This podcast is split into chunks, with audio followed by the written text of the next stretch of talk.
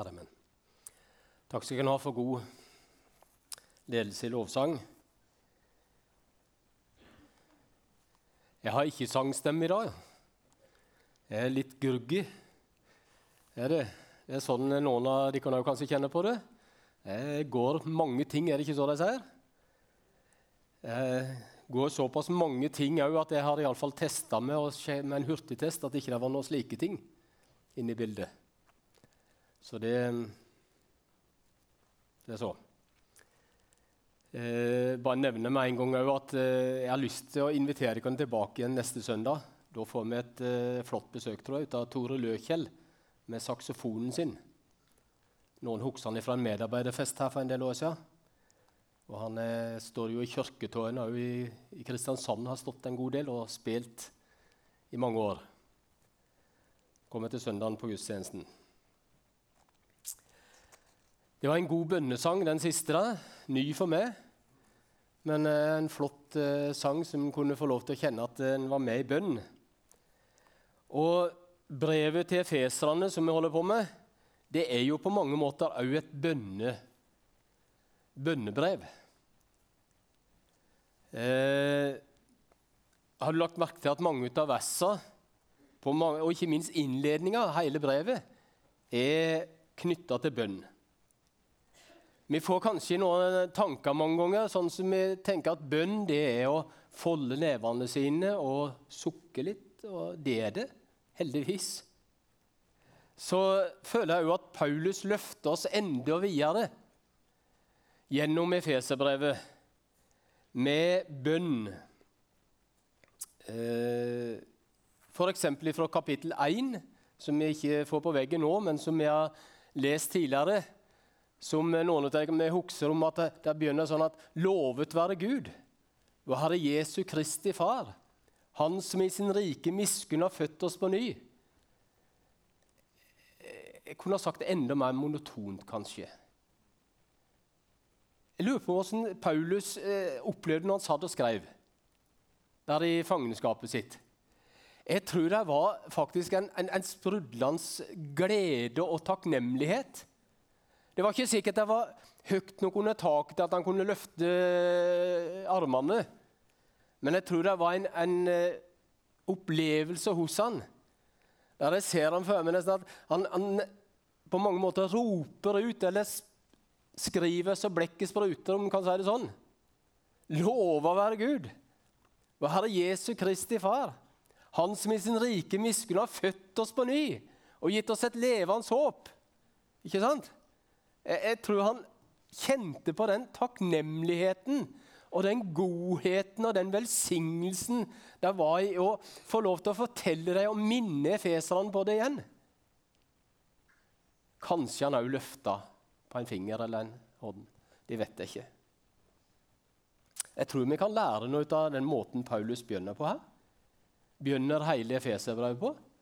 Det med å kjenne på og be om, og ikke minst uttrykke takknemlighet. Jeg har lyst til å minne deg på igjen i dag, jeg har lyst til å utfordre deg i dag igjen. Ikke bare tenk på bønn på en veldig tradisjonell måte, sånn som jeg iallfall ofte gjør det. Og som kanskje du òg kan i perioder komme inn i, i den der rytmen at det er bønn, og det er sukk, og det er bønn. Og det får vi lov til av og til, men tenk om vi kunne se noe ut av dette her med gleden i bønnen takknemligheten. Derfor er det flott òg når dere er med og leder i lovsang. En form for bønn, en form for tilbedelse, der noen kjenner at det er godt å stå sånn når vi synger. Eller det er godt å stå sånn og si bare 'takk, Jesus' inni seg. Og noen kjenner på at det er best å sitte og kjenne på hvilen i det. Jeg tror ikke Gud er avhengig av form eller måter å gjøre det på. Men jeg tror han ønsker òg, og jeg tror det er så riktig av oss som kristne, å bruke alle bønnens muligheter. Hele spekteret, for å si det sånn. Ut av måter å, å, bruke bønn på. Jeg har hatt noen andakter faktisk før jeg begynte å forberede denne her òg. I dag. Eh, både på sykehjem og på omsorgsbolig, og jeg hadde vel på en annen plass òg en gang. Eh, jeg hadde oppe i Åmli en kveld. Jeg var der. Der jeg òg har snakka om bønn. og jeg tror Det ligger der litt ifra det vi har snakka om i Efeserbrevet, at det har, har, vært litt sånn eh, på hjertet mitt. Ikke for at jeg sier at jeg er noe stort bønnemenneske. Ikke for at jeg kan titulere meg som det. Men jeg har kanskje oppdaga, kanskje sett enda mer på mulighetene. Og mulighetene, ja. Og ikke minst velsignelsen der er i det. Jeg er ganske konservativ, det er nok vil mange si. Og har nok vært av de som ikke har hivd meg helt på heller i lovsangen og liksom vært der. Og, ikke sant? Vi ser på den introvideoen hvordan ungdommene de er, de er liksom på. De er med der, og der er nok ikke jeg helt med. Men noen ganger så kjenner jeg på at det er godt å reise seg. For meg òg. Min eh, gamle kropp, for å si det sånn. Få lov til å reise. Av og til kan jeg godt løfte hendene. Men det er ikke sånn at jeg må det hver gang. Men det, jeg tror at det er en berikelse i å se for å si det, mulighetene og alle de tinga som bønnen, bønnen kan være. Kjenne på frigjøringa. Og kjenne på det at en òg kan av og til sette seg rett og slett ned og bare sitte der. Stille. Bare sukke. Og så fortsetter da Paulus i kapittel 1, der han, i vers 15, der han, hold, der han sier at 'derfor holder jeg ikke opp med å takke Gud for dere'. Det er bønn, det òg. Han, han, han, fortsetter med dette her med å takke og be. De hører sammen. Og så kunne mange av de versene vært summert opp med bønner og takksigelse ut av Paulus. Og så fortsetter han òg i kapittel 3. Og det er der vi er nå. Vi har snakka om det første verset. Den begynner faktisk helt fra begynnelsen av kapittel 3 og vers 1 med at 'derfor bøyer jeg mine kne for far'. Her er det referert til det skal, som er teksten i dag, kapittel 3 og vers 14. Men alt i vers 1 så begynner han 'derfor bøyer jeg mine kne for far'. Da ser jeg for meg Paulus at han er ikke bare der. Han er ikke bare oppe på berget, oppå, oppå fjellet og kjenner på lovsangtoner og kjenner på alt det gode og takknemligheten og takksigelsen. Nå er han inne i bønnen, kanskje i kampen, i nøden for de her han skriver til. Og så fortsetter han her altså i vers 14 i Efeserbrevet, som vi er kommet til nå i denne søndagen. Der står det slik i Jesu navn. Derfor bøyer jeg mine kne for Far han som har gitt navn til alt som kalles far i himmel og på jord. Må Han som er så rik på herlighet, gi deres indre menneske kraft og styrke ved sin ånd. Må Kristus ved trua bo i deres hjerter, og de kan stå rotfesta og grunnfesta i kjærlighet. Du kan ta tilbake til det første. Der så kan den stå framme litt. Nå bøyer han altså knærne sine. og ber til Gud. Han ser mulighetene. Han har muligheter nå til å be til Han som eier deg, og Han som bestemmer på en måte over alt i himmel og på jord. Han som kalles Far i himmel og på jord. Jeg har tenkt på det å bøye kne. Vi forbinder det ofte med ei bønn. Det er kanskje ikke så mange som bruker det lenger. Men det å be og sette seg ned sånn på knærne, det er i grunnen en veldig spesiell stilling.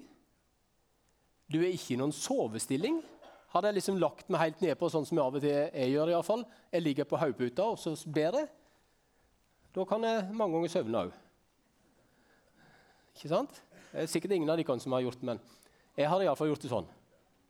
Heller, det er heller ingen springestilling der jeg peser og puster og tenker på at jeg må komme videre. Og sånn. Ja, en kan be til Gud, du òg. Eller gå på skistilling. Jeg, for, jeg, har sagt det før, jeg forbereder meg mange ganger når jeg går på ski. Jeg har bare fått én tur i Orikon. Åh, denne forkjølelsen, altså. Og så ligger jo løypene helt ferdig. Så skulle jeg ha gått mer, men jeg har måttet dempe meg. Parentes slutt. Jeg kan be til Gud når jeg går på ski. Heldigvis. Men så er på en måte det der med å legge seg på kne en bønnestilling der du verken er søvner? Eller der du jager og peser og puster og skal framover? Jeg vet ikke helt. Det er jo en ydmykende stilling. Der du på en måte går ned i ydmykelse og, og er villig til å ta imot. Erkjenner at du ikke er noe verdt.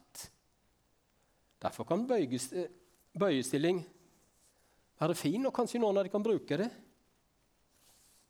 Jeg har et personlig minne. 40 års tid siden, kanskje. Rundt der. Jeg var utsending til Norges, kristen, nei, eh, frikjør, Norges frikirkeråd. Hadde i mange år sine årsmøte på Park hotell i Sandefjord. Husker det, Harald? kanskje? Ja. Jeg var, med, var utsending fra menigheten var ungdomsarbeider, sammen med Anne Myhre. Anne Myhre opplevde som en gammel mann på den tida. Han var sikkert litt yngre enn jeg er nå. Men eh, vi skulle jo ligge der borte og ligge på dobbeltrom, for vi måtte jo spare penger. Så vi lå på rom sammen Anne Myhre og meg. Og vi, da kvelden kom, så bygde Anne Myhre seg med senga, og så ba han. Jeg var ikke vant til det. Faktisk, Det var ikke noe, noe jeg hadde brukt, verken for meg sjøl eller i heimen min, at vi bygde så mye kne med senga. Men det gjorde henne. Og Det gjorde et inntrykk på meg. Han sa ikke så mye om det, eller sa bare at når jeg ber, og så, så bare var det helt naturlig for han. Fin måte å gjøre det på. Det har sett seg hos meg litt seinere, uten at jeg har fulgt det opp så mye, de heller. Selvfølgelig husker jeg òg vekemøtene på Nes. På bedehuset der. Hver eneste Ja, det var onsdag en periode, og så var det torsdag en annen periode. Vi kom sammen til bønn- og vitnemøter. Det var vitnemøte først. Den starta, den fortsetter, og den fortsetter deretter. Og kanskje den, hvis den var der. Visste hvem det var. Av og til visste jeg nesten hva de sa, skulle si òg. Ikke sant? Husker du, Jon? Ja. Og så avslutta vi med å be på kne. Bønnemøte på kne på slutten. Uten predikanter. Det var de som var der. Vi var temmelig faste. Og vi ungene ble dratt med. Og vi, lå, vi var på bakerste benk som regel. Eh, av og til den nest bakerste hvis det var fullt bak. Og lå der. Kunne kikke på hverandre sånn bortover benker. Gjøre noen tegn til hverandre. Sånn. og de ba. Og de ba.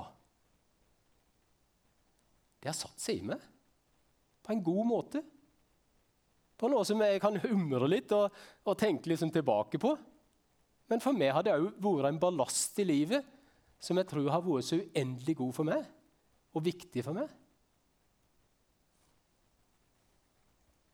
Paulus han bøgde sine kne for far. Han som hadde gitt navn til alt som kalles far i himmel og på jord. Og så ber han, hvis du går et videre der må Han som er så rik på herlighet, gi deres indre menneske kraft og styrke. Han ber for de kristne der. Han ber for deg og ønsker deg i grunnen alt godt. Og ikke bare sånn alt godt som vi gjerne skrev 'God jul og godt nyttår' før på korta.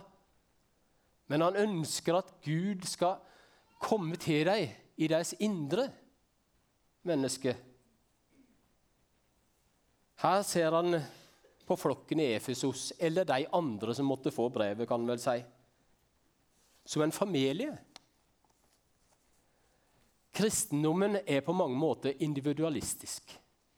Nei, det. For det står at 'hver den som tror'.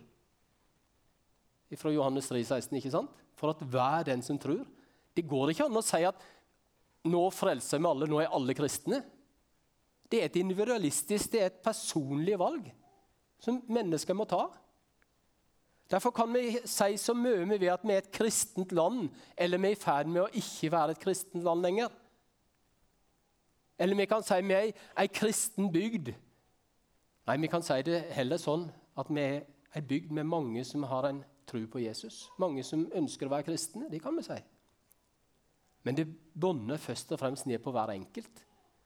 På den enkelte person. Om du har ei tro, om du har tatt imot. Det gjør det. Men når det er skjedd, så er det på en måte ikke individualismen som rår heller lenger. Da er vi en familie. Da er vi en flokk. Da er vi en om vi skal bruke en menighet, hvis ikke vi bare tenker medlemstall og medlemmer sånn i en lokal menighet. Men vi er en Guds familie. Det er flott, ikke? Og det er en mulighet som gis de som har tatt imot. Slik som du får lov til å være det her i dag, om du er formelt medlem eller ikke medlem. Hvis du har tatt imot Jesus i ditt hjerte, så er du en del av et fellesskap. Og Det var slik jeg tror Paulus så på de her og tenkte om de som var i Efesos. Han visste jo at hver enkelt måtte ta imot. Men nå ber han dem, og at Han som er så rik på herlighet, må gi deres indre menneske kraft og styrke ved sin ånd. Du, Er det ikke flott at kanskje de kunne oppleve det sammen? Kanskje de kunne oppleve det i et fellesskap? Derfor tror jeg òg det er så fint for dere å komme til gudstjeneste som, på en dag som denne. Å komme sammen i Guds hus på forskjellige sammenhenger. Det tror jeg gir en enorm mulighet til å oppleve Guds kraft og styrke i ditt liv. Du kan oppleve det alene. Du kan oppleve det hvis du sitter der med kjøkkenbordet ditt, eller er i senga di, eller går på jobben din. Eller henne som helst, så tror jeg Gud kan tale til deg. Og jeg tror Gud kan gi deg noe der og da som styrker deg. Men jeg tror det er en enorm mulighet i dette med fellesskapet. Dette med å være sammen. Derfor har jeg lyst til å si det. Prioriter det. Legg vind på å komme sammen når vi samles. Og det gjør jeg ikke for at jeg skal eller andre skal ha en stor forsamling å preke til. Det er inspirerende. Det skal jeg bare være ærlig på. Det er inspirerende når det kommer mange. Det gir en liten oppløft. Men det er ikke det som betyr noe. Det som betyr noe, er at vi sammen kan oppleve kanskje noe av denne krafta og styrka som Gud ved sin Hellige Ånd kan gi oss.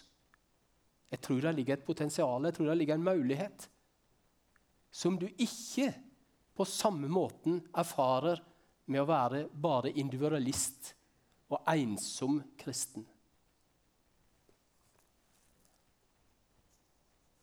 At den må styrkes, står det her i vers 16.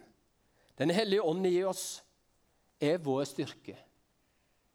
Og Jeg sier så sterkt at har du tatt imot Jesus som din personlige frelse og ønsker han i ditt liv, så har du òg fått Den hellige ånd med på kjøpet, om du skal si det sånn. Da har du òg Den hellige ånd. Og da er det mer eller mindre om skal si, opp til deg hvor mye rom du vil gi den. Hvor mye du vil la den tale til deg. Hvor mye du vil la den virke ditt liv. Det høres litt sånn skjematisk eller sånn spesielt ut, men jeg ønsker det iallfall. For det om ikke jeg er ut av den personen som er så veldig åndelig bestandig, og er så, gir uttrykk for at de åndelige gavene er så sterkt framme hos meg, så ønsker at Den hellige ånd skal få lov til å prege mitt liv. Styrke. Og styrke ikke bare sånn at jeg kan bli kvitt forkjølelsen. Jeg kan be om det òg. Jeg kan det. Men der sto det 'Gi deres indre menneske'. Gi deres indre menneske. Det er der vi trenger å bli styrka. Og du, husk for det òg. Hvis du kjenner at du føler deg svak, hvis du kjenner at du føler deg maktesløs, hvis du kjenner at ikke du får til kristenlivet ditt, hvis du opplever at ikke du er så god som du burde være, så ba Paulus ei bønn her. Og så ber vi sammen ei bønn her, der vi ber om at Gud må gi vårt indre menneske kraft og styrke ved Den hellige ånd. Så kommer ikke jeg og sier 'ta det sammen'. Sjekk nå hvor virkelig hva det står i Bibelen. Ja, jeg kan vise til Bibelen av og til. Men vi kan først og fremst med en annen. Vi kan be om at Den hellige ånd får lov til å styrke vårt indre. Får lov til å gjøre noe i våre liv. Slik at òg kanskje Jeg vil si kanskje, for jeg sier ikke at det, det nødvendigvis skjer sånn. Men kanskje òg kan bygges opp noe i oss som gjør at vi ser om vi har i Jesus. Den hellige ånd får lov til å vise oss virkelig hva han har gjort for oss. Og han vil gjøre for oss, og han vil være for oss. Kan hende dette fellesskapet i dag kan være en slik plass. Der vi kan be for og med en annen òg. Tør du involvere deg på det? Tør du å bruke muligheten som ligger i fellesskapet? Mange av dere vet eh, For noen år siden var jeg gjennom en, en eh, kreftoperasjon. Og den er heldigvis, Det er ingen symptomer på det i dag. Det er ikke noe som tilsier at jeg, jeg har noe kreft i kroppen i dag. Heldigvis. Noen av dere har eh, vært noe av det samme. Da ble jeg kjent med et begrep som ikke hadde vært kjent med før. Noe som heter likemenn. Likepersoner. Det, var, det, var, det tror jeg er liksom sånn gjengs i noe kreftmiljø med og Kreftforeningen. Og Jeg snakka nettopp med et menneske her eh, tidligere i veka om, om det der. Der noen mennesker tar ansvar for noen andre, folk som har vært gjennom en sånn situasjon. Gjerne tar en telefon og følger opp mennesker som er i den situasjonen per i dag. Kan gi noe av sine erfaringer. Kan fortelle hvordan de har hatt det kan høre hvordan den har det. Er ikke bestandig legene har tid til dette. her? Ja, Hun blir innkalt til de vanlige konsultasjonene til den vanlige oppfølgingen etter sånne ting. ikke sant? Men hvor flott et system, egentlig, som er i den, der, i den sammenhengen, Jeg kjenner det iallfall fra Kreftforeningssammenhengen at det har vært sånn. Og tilbyr slike ting. Og jeg tror det er i andre sammenhenger òg, kanskje. Likemenn. Folk som har opplevd noe av det samme. På like plan. Samme plan. Og du, Tenk om vi kan være en sånn menighet av like folk. Må, må ikke diskriminere her, men like folk. Må ikke like kvinner og menner. Som sier at vi òg sliter av og til. Vi òg har det vanskelig av og til. Eller at 'jeg har opplevd noe godt med Gud'. Har du lyst til å høre? Jeg har opplevd noe fantastisk i livet mitt. Og så kan vi sånn dele erfaringer, dele opplevelser, uten at en må nødvendigvis gå til en som er ansatt, og snakke. Det er en mulighet. Og ja da, det kan vi. Men vi kan være med og dele. Og heldigvis så vet jeg at mye av sånt skjer i vår menighet. Og det er en drøm om at vi kan være det. Hjelpe hverandre kan på veien. Og jeg tror at det det er noe av det som Paulus øver fram. Å gi kanskje indre mennesker kraft og styrke med sin ånd.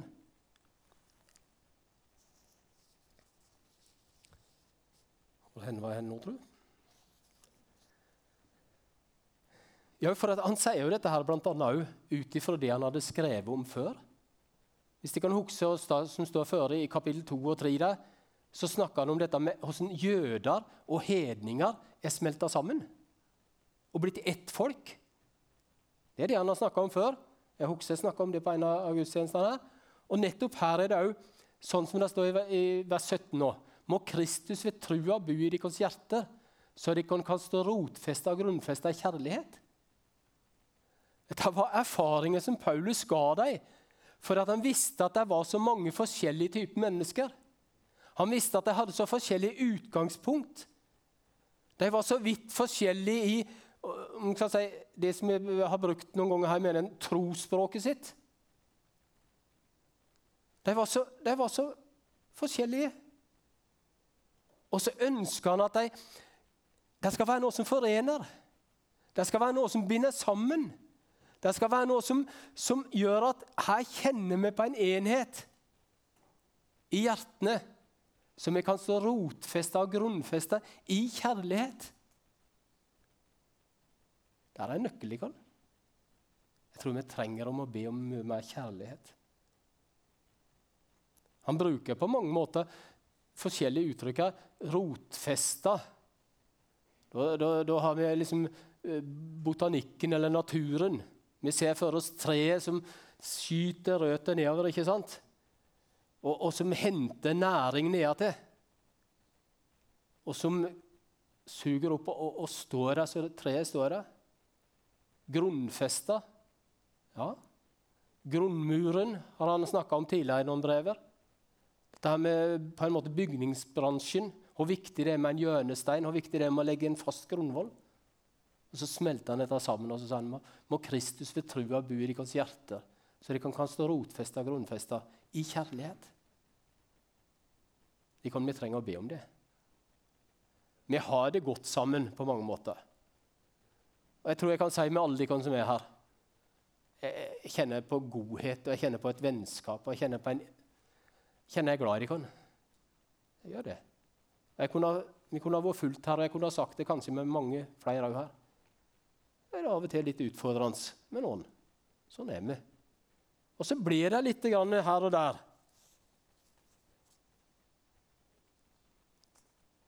Denne kjærligheten den er først og fremst klarest demonstrert på korset.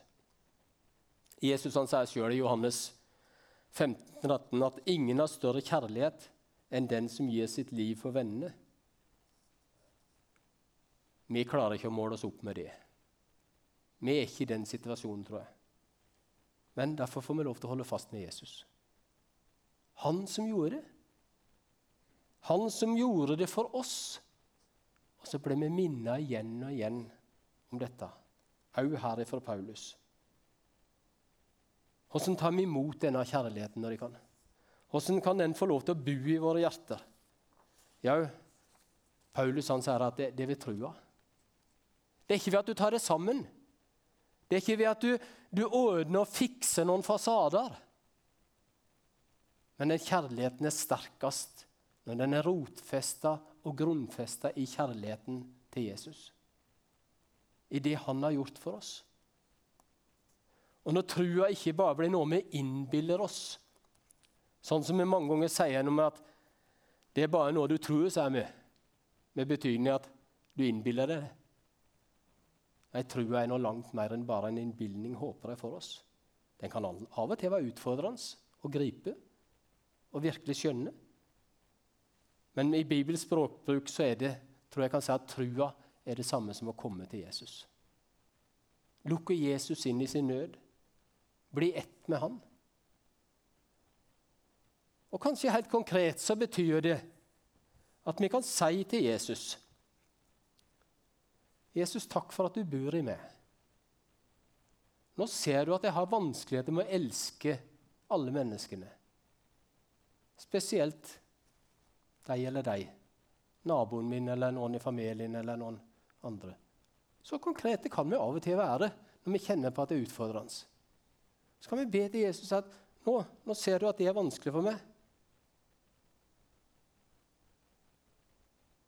Men vil du elske han gjennom meg? Kan vi be. Vi kan spørre Jesus vil du elske den og den gjennom meg, selv om ikke jeg får det til. Eller noen av de kan kjenne kanskje på det jeg sliter med å ha tålmodighet overfor ungene mine. Men vil du virke med din tålmodighet gjennom meg? Jeg tror vi sitter noen med hver våre utfordringer. Jeg har mine òg i livet. Utfordringer jeg kjenner på.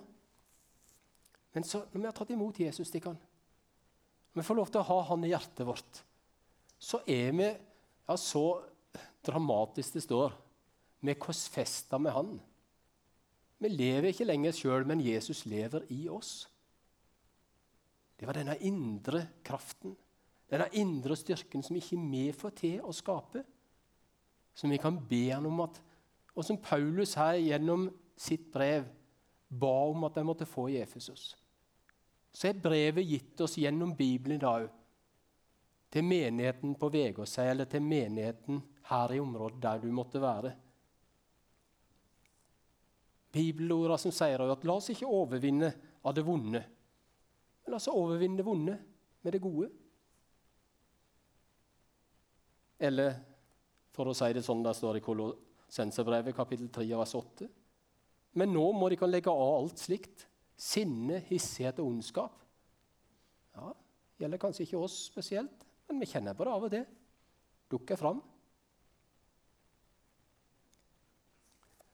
Det er mange ting som kan være utfordringer i livet deres. Og så er Feserbrevet et brev skreven til kristne. Skreven til de kristne i Efesos, men også skreven til oss. For at vi skal ta en lærdom ut av det. For at det skal være noe som vi kan bruke i vår hverdag, i våre liv. I vårt kristenliv. Personlig? Ja. Absolutt personlig. Men òg i et fellesskap, sånn som Paulus her skrev.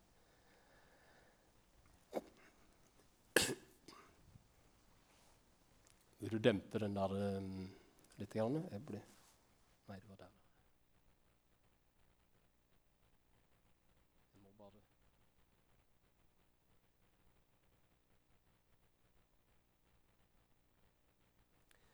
Ikke godt noen kjenner det begynner å piple ned. Man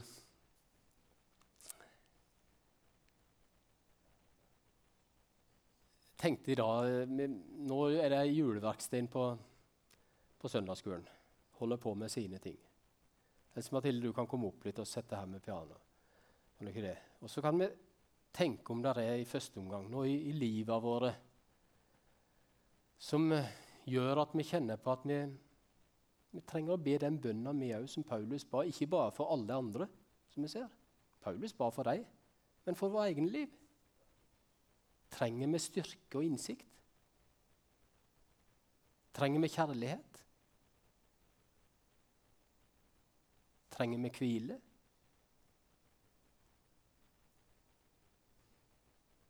Du spiller litt, Else Mathilde, og så ber vi hver for oss. Hvis vi kjenner på at det er ting vi trenger i våre liv